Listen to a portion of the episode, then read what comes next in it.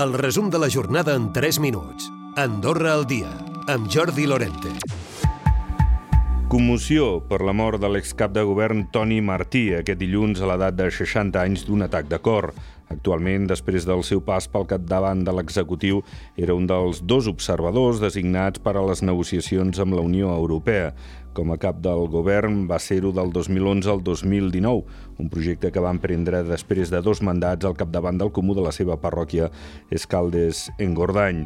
Toni Martí va néixer a Escaldes el 1963, casat i amb tres fills. Era arquitecte de professió, es considerava un amant dels viatges i una de les seves destinacions preferides era la República Dominicana, el país d'origen de la seva dona. El cap de govern feia una manifestació poc després de conèixer la mort, una compareixença on destacava com estimava el país Antoni Martí. Xavier Espot. Ell sempre estava connectat al servei públic, ell estimava Andorra profundament, estimava els andorrans, les andorranes, el conjunt de ciutadans i ciutadanes del nostre país i havia doncs, dedicat i volia continuar dedicant tota la seva vida eh, personal i professional, i dic bé personal i professional perquè havia fet enormes sacrificis personals doncs, en pro del servei públic. No? Espot també reconeixia que va va ser un dels seus valedors en la política. Jo he treballat durant, durant molts anys amb ell, eh, he estat el seu ministre, va ser ell que em va anomenar secretari d'Estat, que després em va anomenar ministre, que també em va ajudar doncs, en, en tota la meva trajectòria política no? i em va ajudar també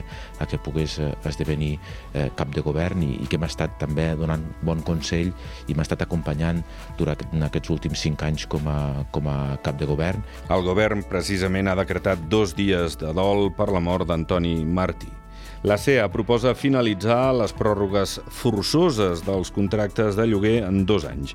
Segons l'entitat, les intervencions públiques en aquest sentit no han generat cap gran oferta, sinó que per contra han creat poca seguretat jurídica. Ha dit que calia intervenir, però no més enllà de dos anys. Gerard Cadena, president de la CEA. Tot i que la situació òptima hauria estat que aquesta intervenció no s'hagués produït mai, la retirada de la pròrroga forçosa no es pot dur a terme d'una manera immediata per tal d'evitar provocar un efecte pèndol que contribuiria a agreujar el problema a curt termini. Ja està obert el termini per sol·licitar el vot per correu. Es pot demanar fins al 24 de novembre al migdia. Poden demanar el vot per dipòsit judicial per correu aquells qui es trobin desplaçats a l'estranger. A les passades eleccions generals, 500 persones van sol·licitar-lo.